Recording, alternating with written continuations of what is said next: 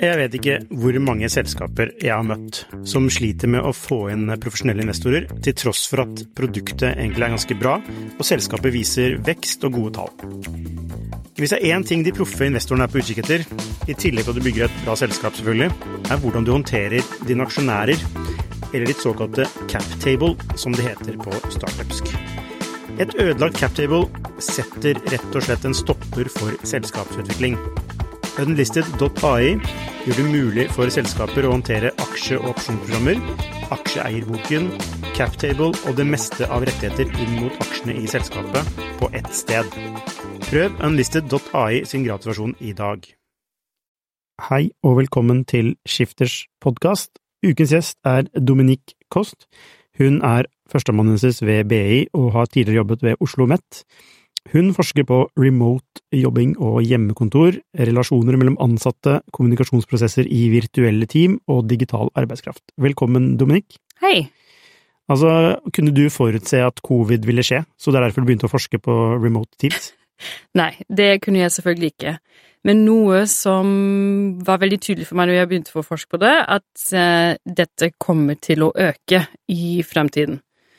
Fordi man kan erstatte Allerede noe jeg begynte å forske på så sa, var det mange som sa man kan erstatte mye reising ved å egentlig ha virtuelle møter, eller også, også med kunder og sånn.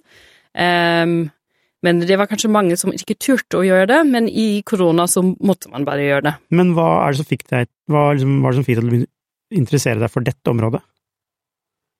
Ja, um, det, det, det, var faktisk fordi jeg så hvor bra den teknologien fungerte. Altså, jeg fikk en omvisning på Cisco, og så så jeg disse svære skjermene. Uh, og så fikk jeg med informasjon om hvordan de jobber og sånn, og så tenkte jeg altså, dette her kommer til å få andre måten vi jobber på, samtidig som det kommer til å utfordre mange teorier eh, i organisasjonspsykologi om hvordan man jobber sammen, hvordan bygger man relasjoner, hvordan opprettholder man relasjoner, og det syns jeg var innmari spennende. Ja, fordi du er organisasjonspsykolog? Ja. ja. Hva gjør en organisasjonspsykolog?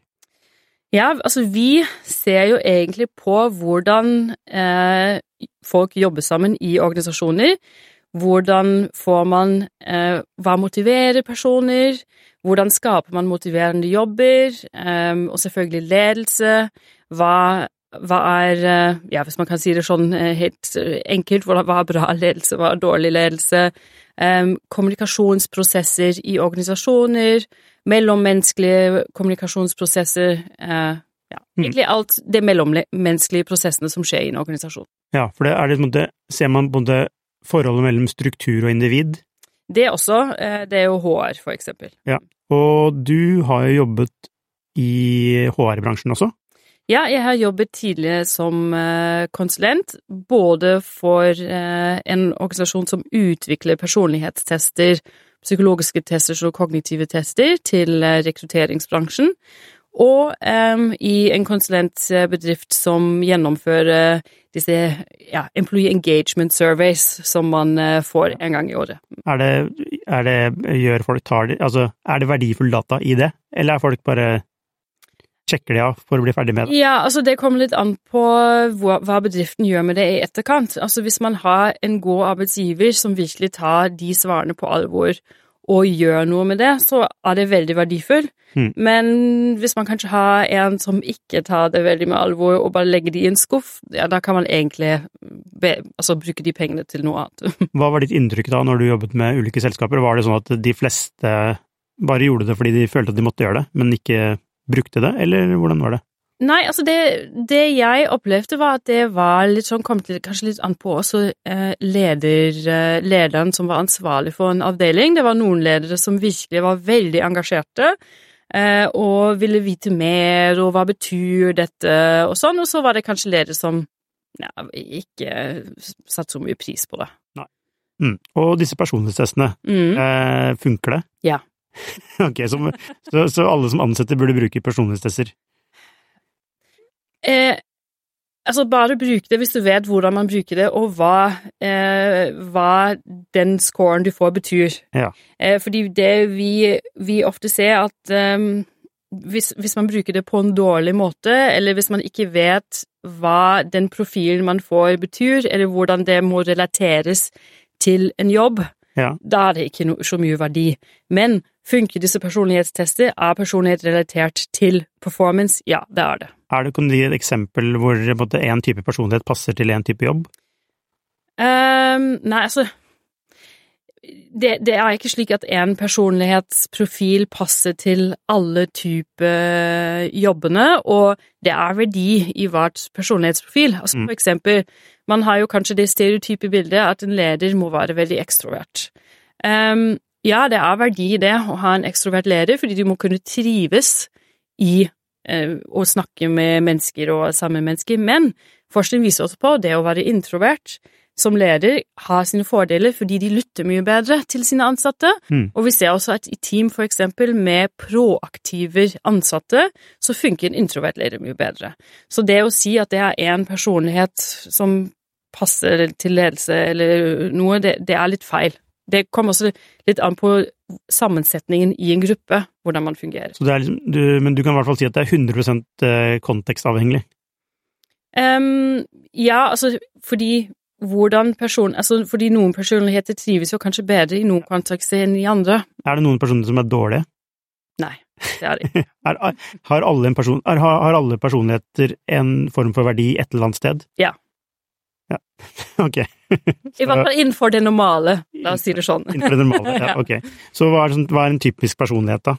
Er det introvert, ekstrovert, er det disse De fem, de big five, ja. Ja. Vi jobber jo mest innenfor disse big five, altså eh, eh, ekstroversjon, neuroticism, eh, openness to experience, agreeableness eh, og conscientiousness. Og hvis du skal beskrive, hva, hva slags personlighet har du, da? Oi, ja, det er Jeg har jo tatt disse testene mange ganger. Ja. Um, Jo, før, først, før, Ja. før du svarer på det, hva, er, de, er de konsistent? Treffer de det med det samme hver gang? Mm, ja, altså, jeg har ikke gjort sånn test i veldig lenge. men treffer de hver gang? Altså, vi ser jo også at personlighet kan forandres bitte litt gjennom årene. Altså, for eksempel finnes det nyligere forskning som viser at eh, lange perioder med arbeidsledighet At folk blir litt mer neurotisk Ja. i de periodene. Ja. Men det er selvfølgelig ikke store avvik, men litt. Så det betyr også for en recruiter, for eksempel, at hvis man får en sånn person, og, og ikke vet noe om bakgrunnen, at ok, den personen har vært arbeidsledig veldig lenge, eh, da kan man jo kanskje vurdere det litt mer negativt, så det er også viktig å vite at jo, livssituasjoner spiller en rolle inn der. Em, så om min personlighet har forandret seg, altså kanskje bitte litt. Eh, den siste gangen jeg tok det, var jeg, hadde jeg ikke blitt mor, nå er jeg blitt mor, så det er jo forandret seg kanskje litt der, men i det store og hele tenker jeg vel at det er fortsatt det samme. Ja, for det, ja, for det kan man endre personlighet. Eller altså, er det, det, er, vel et, det er vel et forskningsspørsmål, er det ikke det? Ja, det, det er Altså, noen eh, sier at jo, det kan man forandre, mens andre sier nei, man kan ikke forandre, men man kan vil være bevisst på hva det betyr å ha denne personligheten, og jobbe med hvordan den kommer fram. Altså for eksempel, hvis man er introvert, så kan man bli mer bevisst på det og si ok, eh, hvordan kan jeg kanskje bli litt Eller late som at jeg er mer komfortabel i sosiale sammenhenger enn man egentlig er. Ja, ikke sant. Ok, vi skal snakke litt om uh, remote work, uh, og uh, er det sånn ja, nå, jeg snakker jo absolutter og, og Mm. veldig kategorisk, men det er jo ikke, og virkeligheten er jo ikke sånn. Virkeligheten er bare full av nyanser. Men, men kan man si noe om at remote work versus altså være på jobben, typisk vanlig jobb, altså Mm. kan man si noe om hva som er best av de to, på performance? Ja, altså det kommer, det kommer litt an på hva slags oppgave det er eh, du skal løse i en sånn remote team eller eh, face-to-face-team, men begge vil jeg vel si har sine fordeler og sine ulemper. Eh, altså for eksempel i en sånn såkalt altså, remote team eller virtuell team, så de er veldig effektive eh, og veldig performance-rettet, kan kanskje løse oppgaven veldig fort. Em, men samtidig så kan det også ofte, det har, vi, det har jeg også sett i min egen forskning, at i sånne remote team er de kanskje litt mindre nøyaktige, litt vanskeligere å dele detaljer rundt en oppgave. Og det er, og i face-to-face-team så ser vi at de deler mye mer informasjon om for eksempel altså sosial, relevant eh, informasjon. Ja. Så de kommer kanskje ikke så fort i mål, fordi det er mye snakking, Mm.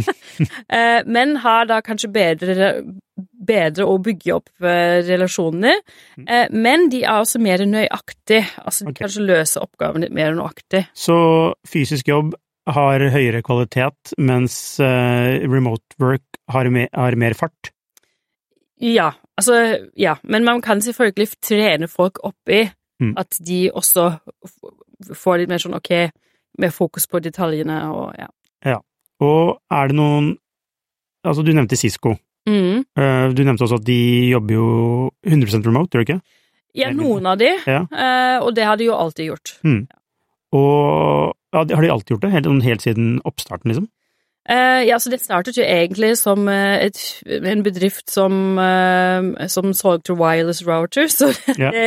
men når de hadde Altså, de har jo mye av den eh, videoteknologien, eh, og da er det mye remote work. Altså, de har teams som er geografisk spredt, som de jobber sammen med. Altså, de kan være i en team som er noen i Norge, noen i Nederland, noen i Tyskland, eh, og de må jo jobbe tett eh, sammen. Så de Mm. har gjort det hele tiden, og så får korona også. Mm. Så når korona kom, så er det sånn, ja, det er business as usual for oss, egentlig. Ja, Og hva kjennetegner måten de jobber på? Ehm, altså når jeg snakker med folk som jobber der, er det at de har regelmessige møter, regelmessig oppfølging, også med leder som er uh, remote. Um, men noe som, som også slår meg når jeg snakker med dem, var at det er at de også tør å være sårbare mot hverandre med, altså når de er når de er remote, og det er kanskje noe sånn hyrde som uh, en leder sa til meg, å egentlig vise Altså, når man, når man er i en, en ansikt-til-ansikt-situasjon, er det kanskje lettere å melere enn å si 'uff, i dag har jeg en dårlig dag', Mm. um, uh, enn i en sånn videokonferansesetting, tror jeg blir det litt vanskeligere. Men når man en gang har uh, kommet over den hurden, så kan det være veldig verdifullt, faktisk, å snakke også om det. Ja. Er det sånn at det er Altså, det er jo på godt og vondt, da, dette med det sosiale, men er det sånn at man må Altså, desto mer remote, jo mer må det også treffes og ha Være sammen fysisk. Altså, det vil si, um, jeg har inntrykk av at disse remote-selskapene uh, ofte også møtes i en sånn Mhm. Og når de møtes, så møtes de over noen dager og gjør Mhm. ting sammen. Altså, den, der, den, den, den siden av dem er det Ja. superviktig. Altså, jeg tenker man kan Man kan ikke ikke møtes. Eh, hvor ofte man må møtes, ja, det er vanskelig å si, men at man trenger eh, en sånn eh, et sosialt møtepunkt noen ganger, helt klart. Det, det er veldig verdifullt. Er det hvordan hva, hva konkret har vært din forsknings... Altså, hva er din, hva er din, din hypotese, hva er det du har jobbet etter rundt det? Um, jeg har ulike spørsmål. Uh, altså En del som jeg er veldig interessert i, er um, team, altså hvordan team jobber sammen, koordinere oppgaver, kommunikasjonsprosesser i team når de er virtuelle. Ja. Uh, og en annen side av det er også at jeg er interessert i generell uh, For eksempel, nå jobber jeg med et prosjekt med noen kolleger. Hvordan opprettholder man et klima eller kultur i, i en organisasjon, og hva skjer når man er på hjemmekontor og remote? Mm. Um, ja, så det er altså team, koordinasjon, ja, de interpersonlige prosessene når man er uh, remote, det syns jeg er veldig spennende. Og hva har konkret vært ditt uh, Altså, hva, hvilket spørsmål er det du, du prøver å finne ut av? Ja, hvordan, hvordan får man det til å funke, egentlig? Hva Mm. funker, hva funker ikke? Ja, så en slags deskriptivt altså sånn, sånn, Det er en slags, ikke deskriptivt, men det er en slags eh, best practice. Ja, vi liker jo, vi som forskere liker jo ikke dette ordet, fordi det fins ikke en one size fit all, men Good kanskje- practice. Ja, Mm. ikke sant? Good practices. Ja. Yes. Ok, så hva er good practices på teamkommunikasjon i virtuelle team? Mm. Eh, altså det, må, det som man må finne ut av først, særlig som man er leder, som kan kanskje lede et uh, virtuelt team, er jo ok, hvem trenger hvilken kommunikasjon og når? Ja. Fordi hvis man vet hva avhengighetene er, eh, så vet man også at ok, nå må jeg, må jeg involvere denne personen, nå må jeg involvere en annen person. Og det er også veldig viktig at man kommuniserer dette helt tydelig til alle, fordi man kan ikke eh, Man kan ikke vite, eller man kan ikke eh, ta det for gitt, at alle har samme forståelse av hvor disse avhengighetene er i et prosjekt eller i en oppgave. Mm. Så for eksempel, da, så hvis jeg da sender bare en e-post e som egentlig angår alle, til bare én kollega, så skjer det fort at de andre kollegaene kanskje kan tenke å nei, hvorfor har hun ikke sendt det til meg? Nå er jeg utenfor, og da begynner det ikke sant, å surre. Fordi en ting vi også ser i forskningen i virtuelle team, at vi er veldig fort til å tilskreve negative eh, Altså negative egenskaper mm. til eh, personer på andre siden. Altså for eksempel hvis man ikke har fått en e-post, hvis noen ikke svarer, mm. hvis det tar, lang tid til å svare, så er det veldig lett for oss å tenke at åh, kanskje en person vil ikke samarbeide, kanskje de er late, eller et eller annet sånn. Ja. Um, Istedenfor å tenke å ja, kanskje de er opptatt med noe annet. Mm. Kanskje hvis jeg sitter i et annet land, kanskje det er ferie der. Ikke sant? Det, altså, ikke sant? Sånne kontekstvariablene som man ikke vet ja. i remote work. Så derfor er det veldig viktig som leder at man virkelig beskriver ok, eh, at man setter seg ned og tenker hvem trenger hvilken um, informasjon og når, mm. til hvilket tidspunkt, og at man også kommuniserer tydelig til sine teammedlemmer at man ikke kommer i den situasjonen hvor en person tror at å nei, nå har lederen min ikke sagt det til meg, hva betyr det? At man mm. legger for mye inn i det. Så må man egentlig være veldig tydelig på hvordan man kommuniserer, og til ja, og tid og prosessene. prosessene. Mm, mm. Så er det liksom, man, er det riktig å si at desto mer altså fleksibilitet da, du har gjennom at det er remote, ja. desto mer struktur og regler Ja. må det også være? Helt riktig. Mm. Det er helt riktig. Fordi når man sitter på kontoret, så, ehm, så kan man observere hverandre. Og jeg tror, jeg tror vi tar mye av denne visuelle informasjonen som vi får ved å sitte ved siden av hverandre på et kontor, veldig for gitt. Mm. Um, og da tenker vi, når vi sitter på hjemmekontor eller på remote, at vi kan eh, kommunisere med hverandre på akkurat samme måte som vi gjør i en sånn eh, kontorkontekst, men det kan vi, det, det kan vi ikke. Fordi en, altså, kommunikasjon er kontekstavhengig, og den konteksten har vi ikke når vi er remote. Nei, og så er det jo noe med kroppsspråk som ikke synes. Ikke sant? Det, det også altså måten Vi kan jo allerede se når vi har et møte, måten noen kommer inn i kontoret Ja. eh, Ser de kanskje litt sliten ut, Mm. eller eh, Ikke sant? Alt dette, det faller bort. Mm. Så når vi da ser noen eh, på skjerm, og den personen sier kanskje ikke så mye eller noe, så kan man jo kanskje fort tenke at åh, den personen har ikke forberedt seg eller noe. Mm, ja. Men det kan jo så kanskje, kanskje hende at det har skjedd noe, Mm. og derfor sier den personen ikke så mye, eller at de er slitne, eller hva som helst. Så man er liksom litt raskere til å trekke negative Ja, eh, antakelser og konklusjoner. Ja, Mm. det Er det som mennesker er, kanskje?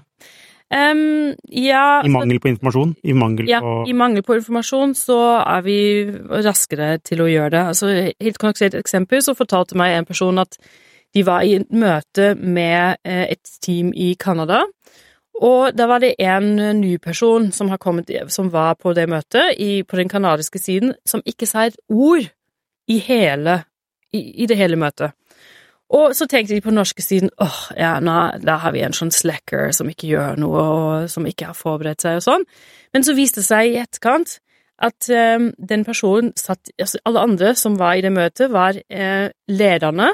Mm. Så hadde han var i, altså helt nederst i hierarkien, Mm. og det hadde ikke vært eh, Altså, det hadde ikke vært bra for han faktisk å si noe, fordi det Ja. ja, det, de ikke fast, det ville ikke vært appropriate. Ja. Eh, Det hadde ikke vært det. Nei. Men hvordan, hvordan skal man vite det når man er i en sånn virtuell eh, Eller altså på en sånn videokonferanse? Det vet man ikke. Nei.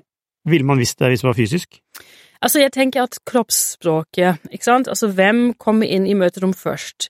Hvor sitter de? Mm. Ikke sant? Altså, alt dette som skjer før møtet starter, det gir oss mye informasjon om sosiale prosessene som foregår i, eh, i et kontor.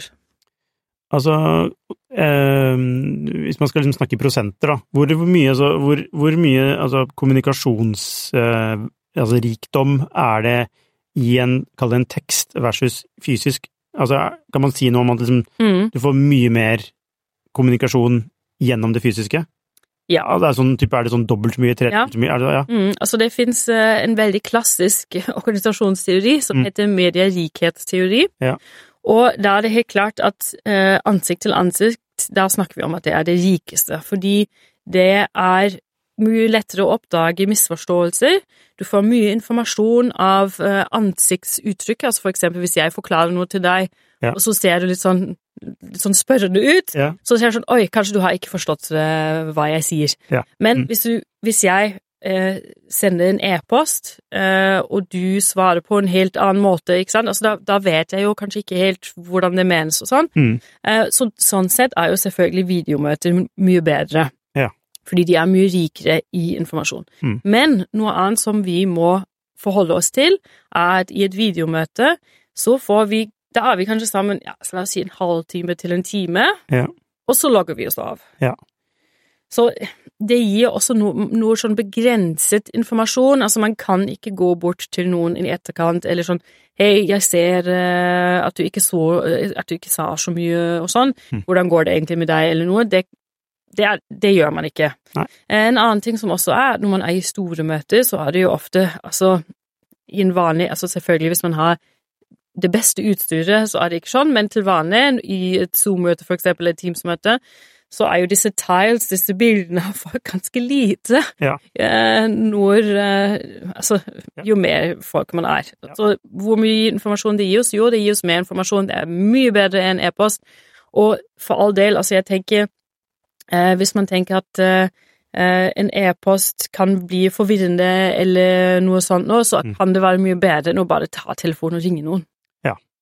Men når, du snakker nå, så tenker jeg at det, remote er ikke så veldig bra.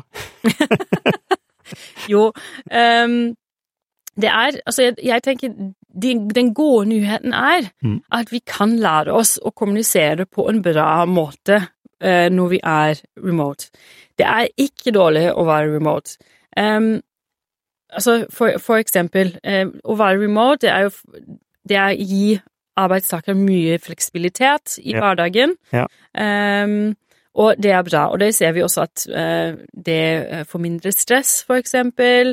Uh, og vi, vi, det er også forskning som, som viser at jo, folk er litt mer produktive når de, når de sitter hjemme. Men produktiv, altså positiv produktiv, at det blir kvalitet, eller er det bare at de bare jobber mer? Eller at de jobber, altså de Ja, jobber mer, jobber Altså, ja, kvalitet vet jeg ikke, men i hvert fall at de jobber mer. Ja. Mm. Og det kan man jo selvfølgelig argumentere for det er bra eller dårlig, fordi vi vil jo selvfølgelig ikke at uh, folk jobber altfor mye, og det er jo veldig fristende å være på Ja. hele tiden når man har og jeg lar meg bare klokken ti om kvelden må bare svare på den e-posten her på Mm. mobilen min og sånn.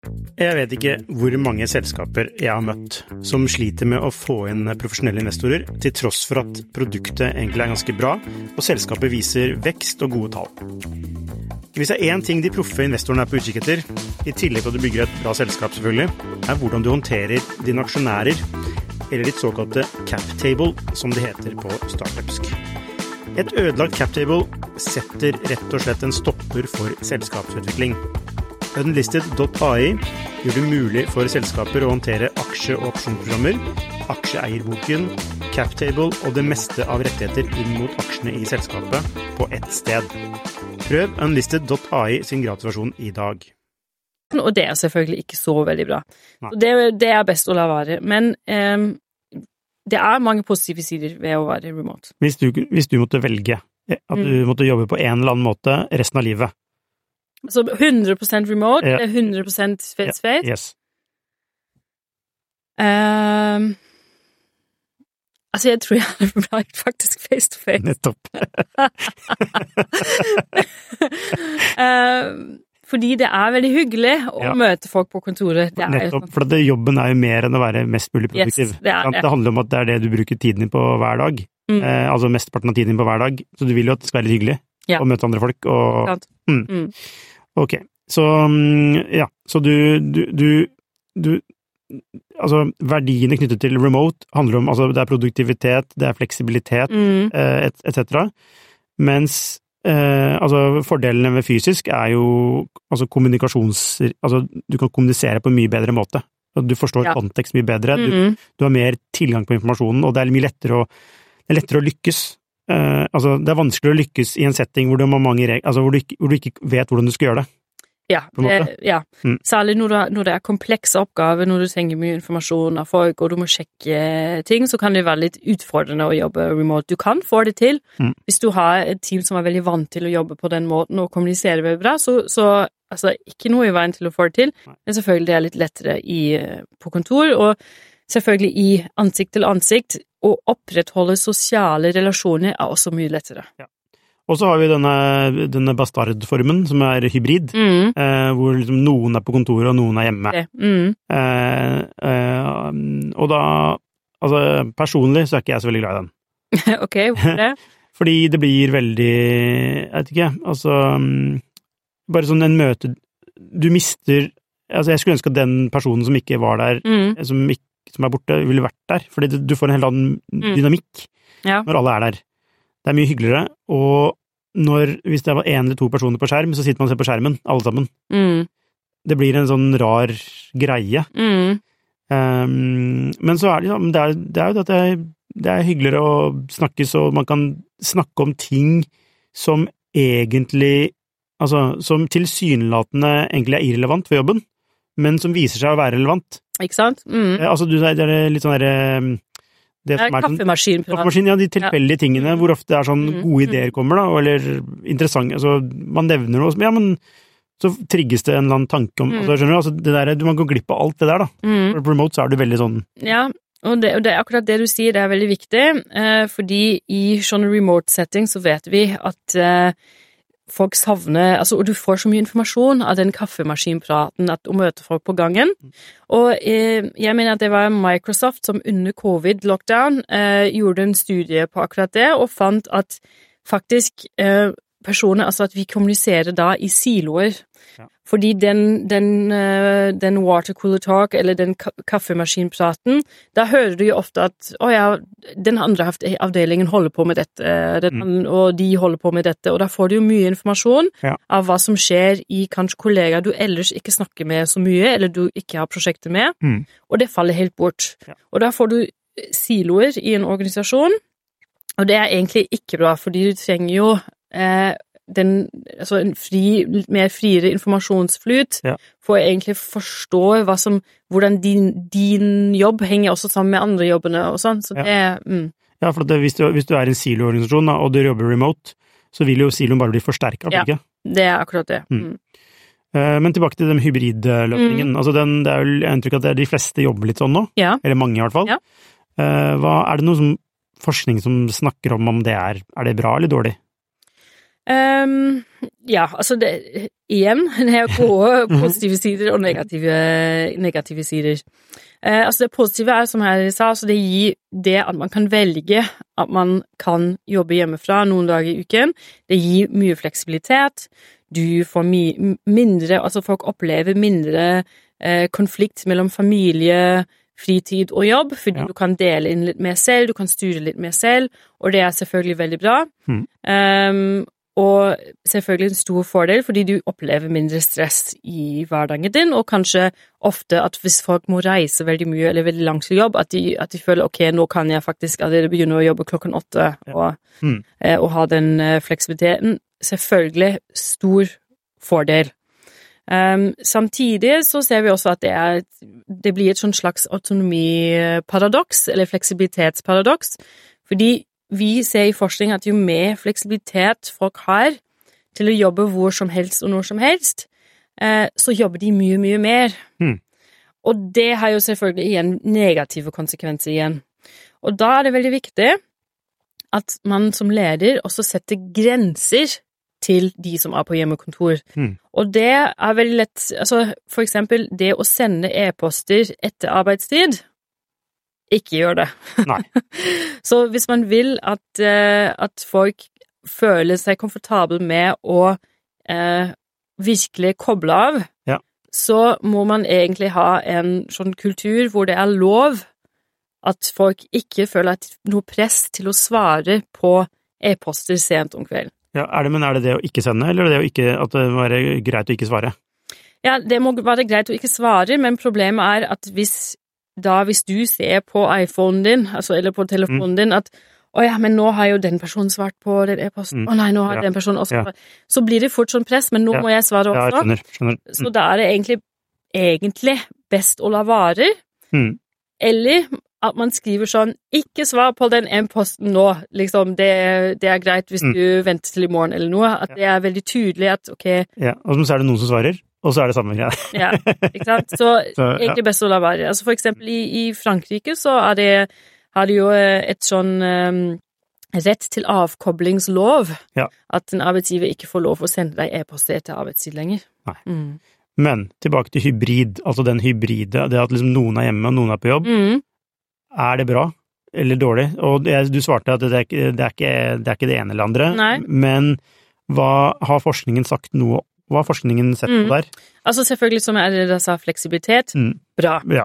Eh, en annen ting som vi ser i det hybride, er at, og det er en veldig, et veldig interessant funn, som vi fortsatt ikke har funnet helt ut av hvorfor det skjer, og det er at ledere vurderer personer som sitter remote eller på hybrid med en, en, en dag i uken, Mm. at de har dårligere performance. Mm. Og at det smitter litt over til hele arbeidsgruppen. At Ja. de får en, en dårligere sånn performance rating av uh, lederne Ja. eh, hvis én sitter på hjemmekontor.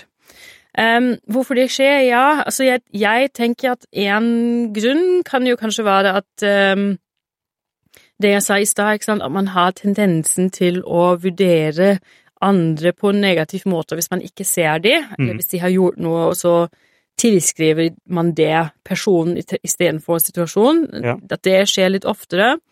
Um, en annen ting kan jo kanskje være at noen tror at hvis jeg ikke ser at du jobber, så tror jeg at du ikke jobber. Mm. Em, så det kan være ulike årsaker da, men, men det ja. Men bare så jeg forstår det riktig. Så hvis én person jobber, hybrid, jobber Mm. remote, så vurderer ja.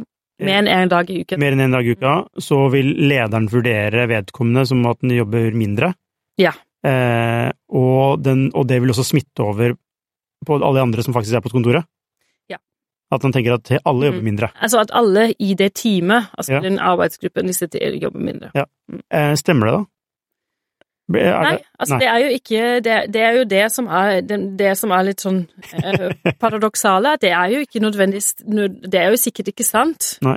men det er bare det, det inntrykket den lederen har. For Men er det sikkert ikke ikke sant? Altså, det vil si, er det, er, det, er det forsket på om det faktisk fører til noe Har det noe sånn Nei, altså vi- Ja. Ja, altså vi vet at uh, hybridarbeid ikke Altså det, folk jobber like mye Ja. som på kontoret, så det, har- det har ikke noe å si. Nei. Og er det da, når du da fire dager i uka, eller tre dager i uka, er på kontoret og Mhm. møtes fysisk, så du kan kommunisere samtidig som du kan være hjemme, altså, den, er den kombinasjonen enklere eh, enn at det er 100% remote, og du får mindre informasjon? Jo, altså helt klart. Mm. Eh, En annen ting vi også nemlig ser, eh, og det har vi også data på, er at ehm, det Altså den forståelsen av hvem vi er som fellesskap, og hvordan vi løser oppgav, oppgavene sammen, og hva som er viktig for oss, altså det delte klimaet, Mm. at um, det Altså, det går ikke nødvendigvis ned, men vi får sånne ulike forståelser av hva det er. Ja. Mindre alignment? Ja, altså det er mindre alignment, det er, det er delte opplevelser av Ja. å ja, sånn gjør vi ting her, og, og det er bedriften vi er, og dette her er viktig her. Ja. Og det er ikke bra heller, fordi da mister du en, en del ja, klimaidentitet, egentlig. Ja, altså du, det du snakker nå, er kanskje også kultur? Ja, litt kultur også. Ja, Mhm. altså, det, altså det, en del av kultur er vel en slags delt oppfatning av hvordan ting skal være? Og det mister man Ja. når man er 100% på remote. Ja. Og selvfølgelig derfor er det bedre at man er litt på kontoret, at man også får med seg Mm. det sosiale rundt, disse eh, kontekstuelle, den kontekstuelle informasjonen som ellers faller helt eh, bort, Mm. eh, som er veldig viktig. Ja, for du har forsket på dette med kultur, Ja, klima. Mm, ja, klima, ja. Klimakultur, ja. ja. Eh, og hvordan jobbe som leder, da, hvis vi tar det perspektivet, hvordan jobber man med å skape god kultur eller klima mm. når, når man er altså eh, på eh, altså, Remote. remote, ja. Mm. eller hybrid. Ja. Um, Altså, jeg tenker da er det viktig at uh, man fremhever viktigheten av uh, teamarbeid og jobbe i team. Ja. At man um, altså rose hele tiden, og ikke bare plukker ut altså én person som hele tiden får eh, eh, liksom åh, ja, veldig bra at den personen har jo gjort det bra, eller noe, men at man fremhever Alle sammen. alle sammen. Ja. Eh, Også de som ikke gjør en bra jobb. Nei, altså, men vi jobber jo mye i team, Ja. så Mm. da man da fremhever Teamet. teamet. Mm. Um, en annen ting som er også viktig, er at man fremhever læring. Ja. Eh, at læring er eh, viktig. Hva, hva, hva, hva betyr det? Man fremhever læring. Eh, ja, for eksempel at man um, Selvfølgelig, folk kan gjøre feil, og det skjer. Mm. Eh, men hvis du da helt går løs på den personen som har gjort en feil, at man heller da sier at ok, eh, dette er et læringsmoment, hva kan vi lære av dette? Ja. Eh, Og det er veldig vekst, viktig. vekst og lærings- og vekstfokus. Yes, Mm. det er veldig viktig. Ja. Så fordi særlig, altså jeg tenker særlig det med, med å rose en person i sånn remote kontekst, igjen, ikke sant, man tilskriver jo my mye fortere en sånn negative ting, at folk kan da tenke sånn, ja, men jeg har jo også jobbet mye, Mm. hvorfor får jeg, Ja. hvorfor sier lederen min ikke noe om det? Det, men det er vel et godt råd også til de som jobber 100 Ja, face to face. Eh, Men det blir kanskje ekstra tydelig når det er så lite, Ja. lite informasjon altså, vi sk- altså kommunikasjonsrikdommen er lav, da, så blir det jo ekstra tydelig. Ikke sant? Fordi det kan jo for, for eksempel på en, en kontor, eh, når man er i, på kontoret, at lederen da går bort etter et møte til en annen og sier åh, ja, kjempebra jobba, eller til, mange, til Ja. andre. Men når man er i den videokonteksten, da skjer det der, og da, da legger man på etterpå, og da, ja, Ja. er det over. Mm. Er det, bør man er det andre ting en leder bør gjøre? Bør man liksom sette av mer tid til å snakke med hver person? Um, altså 100% Jeg har også de lederne jeg snakket med under korona, uh, de sa også altså det å snakke uh, Altså å bare ringe folk opp og spørre hvordan det går og sånn, at ansatte setter mye pris på det fordi de føler seg sett. Ja. Eh, og det er veldig viktig, fordi um, selvfølgelig dette var jo en ekstrem situasjon, Mm. hvor det var over veldig, veldig lang tid, og man kunne ikke velge om man kunne være på kontor eller ikke. Så da sliter jo sosiale relasjoner enda mer enn uh, hybrid. Så hvis jeg forstår deg riktig, så handler det om altså hvis man er på hybrid eller remote, så må man forsterke Man må, jobbe, man, man, må- man må forst, altså jobbe enda hardere med de mellommenneskelige relasjonene. Ja. Helt riktig. Mm. Og opprettholde de. Opprettholde de. Eh, Så det er en ting, altså det er jo på en måte kanskje leder til ansatt, da, men også legge til rette for at de ansatte skaper noe sammen. det du, fordi du må, du må føle deg komfortabel med å og jeg, nå vet jeg, altså selv om jeg sitter hjemme, nå vet jeg hvem jeg kan ringe Ja. når det skjer noe, eller Mm. altså at man, at man er komfortabel med det også å be om hjelp når man er på, på hjemmekontor den Ja. ene dagen. Ja. Um, og det må være lav terskel. Um, hva har vært de største utfordringene til ledere da, i disse situasjonene? Det kommer selvfølgelig an på lederen, men jeg tenker sånn generelt eh, tenker jeg at for noen ledere er det kanskje å Altså den tilliten at selv om du ikke ser at noen er på kontoret, Mm. de jobber. Ja. Altså jeg tror at det kan være mange som At det er en utfordring.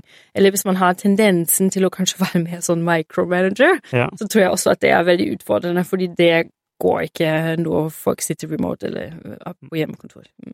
Tenker du at en, altså, eh, at nå er liksom, nå, fra, altså nå så er det ingen vei tilbake? Altså Nei. hybrid er mm. fremtidens modell. Mm. Um, hvis man skal prøve å se litt sånn fremover, da, hva, hvordan vil den utvikle seg videre? Um, altså, jeg håper jo at um, vi kan bli bedre på den måten å, altså på den måten å jobbe på og løse Uh, ja, løse våre oppgaver på. Og jeg, håper, og jeg tenker også at ledere vil etter hvert bli mye mer vant, eller er kanskje allerede nå mye mer vant til å jobbe på den måten. Mm. Um, og jeg tenker også uansett, altså hvis man har sett på, fordi det fins EU, de har samlet inn data på dette, at allerede før krona var det en, uh, en tendens, altså en økende tendens til hybrid å jobbe hjemmefra. Mm. Så jeg tenker det hadde skjedd uansett. Kanskje det har skjedd bare litt fortere nå Ja. etter pandemien. Så det var, har egentlig ikke vært en så, så stor revolusjon som vi har tenkt. Eh, Nei, men det var selvfølgelig ikke så mye snakk om i medier eh, før korona. Men vi ser en tydelig vi ser ty altså Hvis man ser på de dataene, så ser man en tydelig økning i bruk av eh, hybrid eller hjemmekontor noen dager i uken Ja. i europeiske landene. Ja. Er det sånn at eh, man burde ha hjemmedag samtidig? De som er, når man har, altså la oss si man kan være hjemme to dager i uka, da. Mm. Eh, Så bør, bør alle være hjemme på tirsdag og torsdag, for eksempel, da? Eller er det, kan man være hjemme, kan det være helt fritt at man er hjemme når man vil? Ja, det er et veldig godt spørsmål. Um, altså, man kan jo selvfølgelig tenke seg, ok, hvis ingen er på kontoret, da er det kanskje lettere fordi eh, hvis man er den eneste, la oss si at du er den eneste som er på, på kontoret, da er det jo også litt, kjedelig, og da føler man seg også veldig isolert. Mm. Eh, så hvis alle hadde vært hjemme samtidig, jo, da er det, da er det kanskje ingen som føler seg isolert. Ehm, eh, men jeg tenker det å begrenses ansattes frihet til å velge selv når og hvor, hvor lenge de jobber hjemmefra, det er litt farlig, fordi det kan fort føre til at eh, du, altså at ansatt, ansattene mister litt sånn motivasjon, eller at de føler at de ikke har så mye autonomi til å bestemme selv Ja. hva som passer i livssituasjonen best.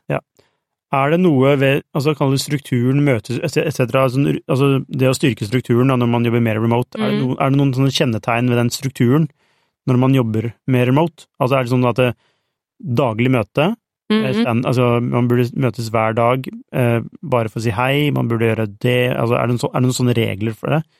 Altså, mener du nå når man er 100 remote? Ja, eller når man, Eller når man har hybrid. begge deler, altså er det noen, er det noen strukturer som må være enda tydeligere? Mm. Altså, jeg tenker jo når man er hybrid, altså ikke glem de personene som er på hjemmekontor. Mm. Um, man prøver å involvere de så, så godt man kan, at man legger til rette til eh, videomøter og sånn, og at man da også, eh, for eksempel hvis man hadde planlagt et én-til-én-møte med sjefen, at man også har mulighet til å ta det på video, at, det, at man ikke må utsette ting fordi noen er på hjemmekontor. Mm. Ok. Eh, avslutningsvis, eh, Mm. eh, Dominik, av de, av de tingene vi har snakket om nå, hva ønsker du at liksom, folk skal eh, Altså ledere skal, Mm. skal tenke rundt disse tingene? Altså er, Bør man også vurdere for eksempel å ha bare face-to-face-jobbing? Eller tenker du at det, nei, du kan ikke være moderne bedrift uten å være hybrid? Ja, altså jeg tenker vi kan ikke gå tilbake på det. Nei. Og vi ser jo akkurat det, for eksempel i USA, så er det jo mange store bedrifter som har prøvd å si sånn, ok, nå det, må det være 100 oppmøte igjen Mm. på kontoret, Ja. og da hadde- hadde jo mange ansatte sagt sånn, nei, det, det gjør vi ikke.